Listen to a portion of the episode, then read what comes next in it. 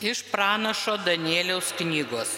Trečiaisiais Judo karaliaus Jokimo viešpatavimo metais Babelio karalius Nebukodenecaras įsirošė prieš Jeruzalę ir apgulė ją. Ir viešpats atidavė jo rankas Judo karaliui Jokimą, taipogi dalį Dievo namų indų. Nabukodenecaras nuvarė juos Sinearo kraštą į savo dievaičio namus o indus nugabeno į savo dievaičio lobyną. Karalius įsakė savo vyriausiam rūmininkui Ašpenazarui atvesti į dvarą keletą jaunų karališko ar bent kilmingo kraujo izraelitų jaunuolių, be kliaudos, gražios išvaizdos, išprūsintų, gerai išauklėtų ir visapusiškai išlavintų, guvių ir protingų, tinkamų tarnauti karaliaus rūmose. Ašpenazas turėjo juos išmokyti ir chaldėjų rašto bei kalbos. Jų dienos davinį karalius nustatė iš karaliaus stalo valgių ir savo paties geriamo vyno. Trejus metus jie turėjo lavintis ir po to pradėti tarnybą karaliui. Tarptų jaunuolių iš judo giminės buvo Danielius, Ananijas, Mišelis ir Azarijas. Danielius buvo pasiryžęs nesusiteršti karaliaus stalo valgiais bei vynu. Įprašė vyriausiai rūmininką tai padaryti, kad jis galėtų nesusitepti. Dievas jam leido įgyti vyriausiojo rūmininko malonę ir palankumą. Tačiau vyriausiasis rūmininkas sakė Danieliui, bijau šeimininko karalius, kuris jums nustatė valgį ir gėrimą. Jis gali pastebėti, kad jūs atrodote blogiau už kitus jūsų amžiaus jaunuolius. Tada ant manęs suvirstų per juos kaltę, suvirstų per juos kaltę prieš karalių. Tuomet Danielius kreipėsi į auklėtoją, kuri vyriausiasis rūmininkas buvo paskiręs Danieliui, Ananijui ir Mašeiliui ir Azarijui. Na, pabandykit tu su savo tarnais bent dešimt dienų ties bus mums duodama valgyti tik augalinį maistą ir gerti vandenį. Po to palyginti išvaizdą mūsų su tų jaunikaičių, valgančių nuo karaliaus stalo. Paskui pagal tai, ką pamatysi, galėsi su savo tarnais pasielgti. Auklėtojas priėmė jų pasiūlymą ir dešimt dienų bandė su jais. Baigiantiems dešimt dienų jie atrodė geriau ir maitinti sočiau kaip kiti jaunikaičiai valgė karaliaus valgius. Tada jiems skirtai valgiai bei vyną auklėtojas dėjo į šalį ir davė augalinį maistą. Šitiems keturiems jaunuoliams Dievas suteikė visokio rašto mokėjimą ir išminties supratimą. Danielius be to dėl dar gebėjo įsiaiškinti regėjimus ir sapnus. Praėjus karaliaus nusatytam laikui, vyriausiasis rūmininkas atvedė juos Nebukodona carui. Karalius su jais pakalbėjęs pamatė, kad iš jų visų ne vienas neprilyksta Danieliui, Ananijui, Mišaeliui ir Azarijui. Todėl jie galėjo pradėti tarnybą karaliui. Kiekvieną kartą, kai karalius klausdavo jų patarimo, reikalaujančio išminties ir proto. Matydavo, kad jie dešimteriopai pranoksta visus jo karalystės būrėjus ir žinius. Tai Dievo žodis. Dėkojame Dievui.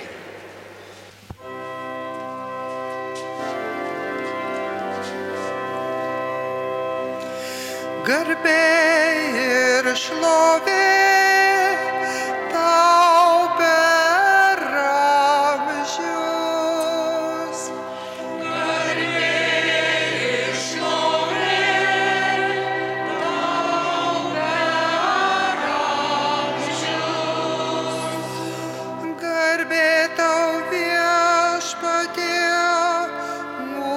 напротив.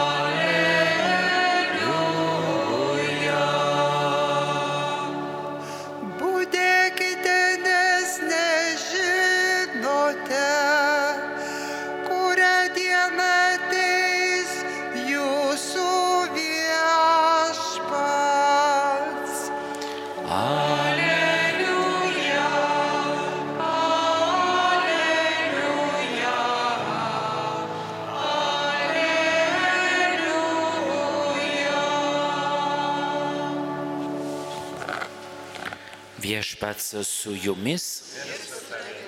Pasiklausykite Šventojios Evangelijos pagal Luką.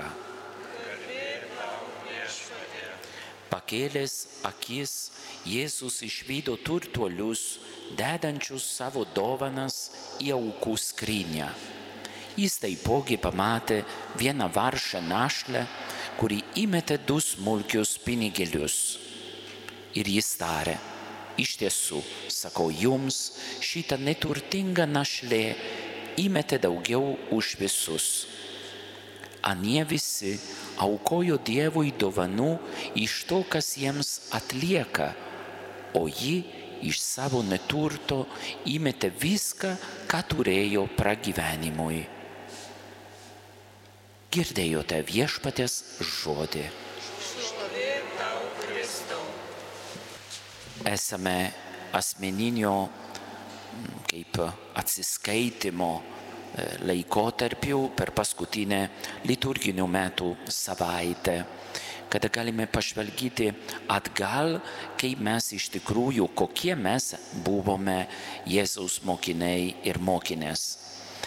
Tai kas krenta iš karto į akis yra, kad Dievo akivaizdoje neskaitome kaip žemėje, kad kuo daugiau, tuo geriau. Dievui nėra taip svarbu kiekybė, kokia ir kokybė. Pirmajame skaitinyje matome iš Danieliaus knygos, kaip jaunuoliai, kurie buvo priimti į nelaisvę, jie nebuvo kaip vergai, bet buvo auklėjami kaip Babilonio kultūroje ir kalboje, kad galėtų dirbti karaliaus rūmose. Ir buvo numatytas, kad jų maitinimas būtų iš karaliaus virtuvės kas geriausia. Iš vienos pusės, kad jie būtų sotus, sveiki, kad galėtų atlikti savo tarnybą, ir iš kitos pusės, kad jie priprastų prie Babilono kultūros ir babiloniečių maitinimo. Bet tada, jeigu ta tarnyba yra leidžiama tarnauti karaliui, nu, kaip žydai, tas maitinimas buvo prieštaraujantis žydų tradicijoms ir jų taisyklėms. Tada ar galima išduoti Dievo įsakymo dėl tarnybos? Ir jų pasirinkimas buvo, kad geriau mes neišduokime tų taisyklių. Geriau gal net ir numirti, negu išduoti sandorą su Dievu. Mums gali būti e, sudėtinga suprasti, kai vienas ar kitas patiekalas e, gali sulaužti ir įstatymo sunkiai. Bet e, supraskime, kad žydų kultūra kitokia negu mūsų. Ir tas maitinimas buvo kaip pripažinimo ženklas, kad aš priklausau tokiai tautai, o ne kitoms tautoms, kurios buvo su daug dievaičių. Tai buvo nu, jausmas, aš priklausau būtent tai dievo tautai. Ir ką? Jie sako prižiūrėtojams, duokite mums valgyti, kas mums leidžiama pagal Dievo įstatymą. Ir jūs matysite, kad nebusime mm, kaip nevalgę ir apniukę ir kad nepatiksime mm, kaip tarnaujančiai karaliui. Ir iš tikrųjų Dievas daro tokį dalyką, kad jie nevalgydavo e, keulienos, kitų draudžiamų patiekalų, bet e, nepaisant, kad valgydavo tik tai daržovės, atrodydavo net gražiausiai negu kiti, kurie tarnaudavo toj tarnyboje. Ne kiekybė, o kokybė. Koks aš esu per žmogus.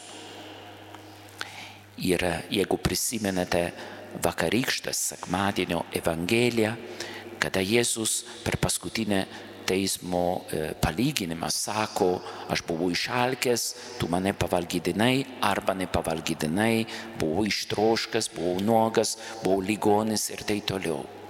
Mes galime galvoti iš tikrųjų, kad e, turime eiti maitinti visą minią žmonių, o iš tikrųjų ne kiekybė yra svarbi, o kokybė užtenka padėti vienam žmogui, kad jau padėjome Jėzui, o ne padaryti sąrašuką, kad kuo daugiau, kuo daugiau, kuo daugiau. Palikime tokio būdo skaičiuoti pasauliui, o kaip žiūrint į Dievo pusę, daugiau stengtis ne apie rezultatų gausą, kiek kiek apie savo pastangas.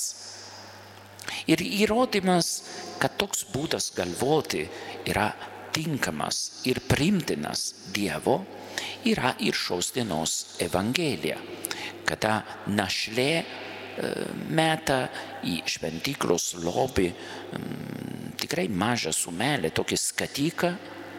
Ir Jėzus gyrė ją, kad jinai davė žymiai daugiau negu visų kitų turtuolių.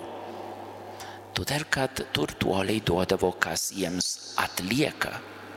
Pasirūpino apie save, apie savo artimųjų, apie savo malonumus.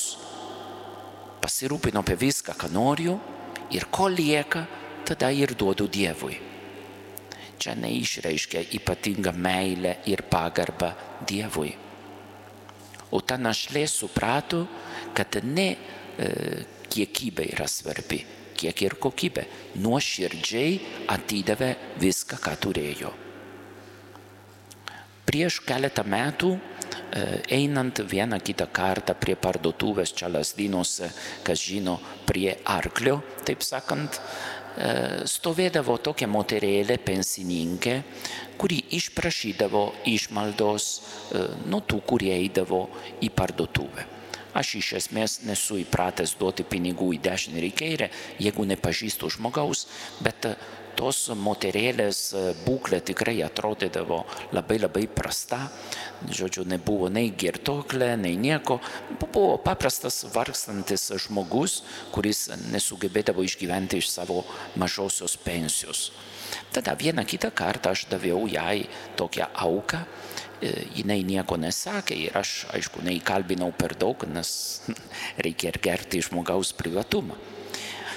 Bet buvo mano nuostaba, kada paskui po keletą savaičių aš pradėjau pastebėti, kad ta moteriškė ateidavo kiekvieną sekmadienį į mūsų bažnyčią. Ir aš iki tol nebuvau pastebėjęs jos. O tada dar smalsumo žiūriu, kad kada eina žmogus su krepšeliu per aukojimą rinkti aukas, jinai kiekvieną sekmadienį duodavo auką. Žmogus, kuris stovėdavo prie parduotuvės prašyti išmaldos ir kada lyjo, ir kada buvo šalta, ir kada buvo sniegas, ir kada buvo stipri saulė, vis tiek neatsisakydavo duoti auką bažnyčiai iš savo neturto. Man paliko labai didelį įspūdį ne dėl pinigų sumos, bet dėl to, kad žmogus supranta, kad nepaisant jo neturto, gali tikrai padėti kitiems ir neatsisako. Jau senai jos nemačiau, tikriausiai mirė, aš nežinau nei vardo, nei pavardės, bet aš prisimenu kaip pavyzdys man pačiam. Ir ne apie pinigų dalinimą, kiek apie pagalbą kitam žmogui.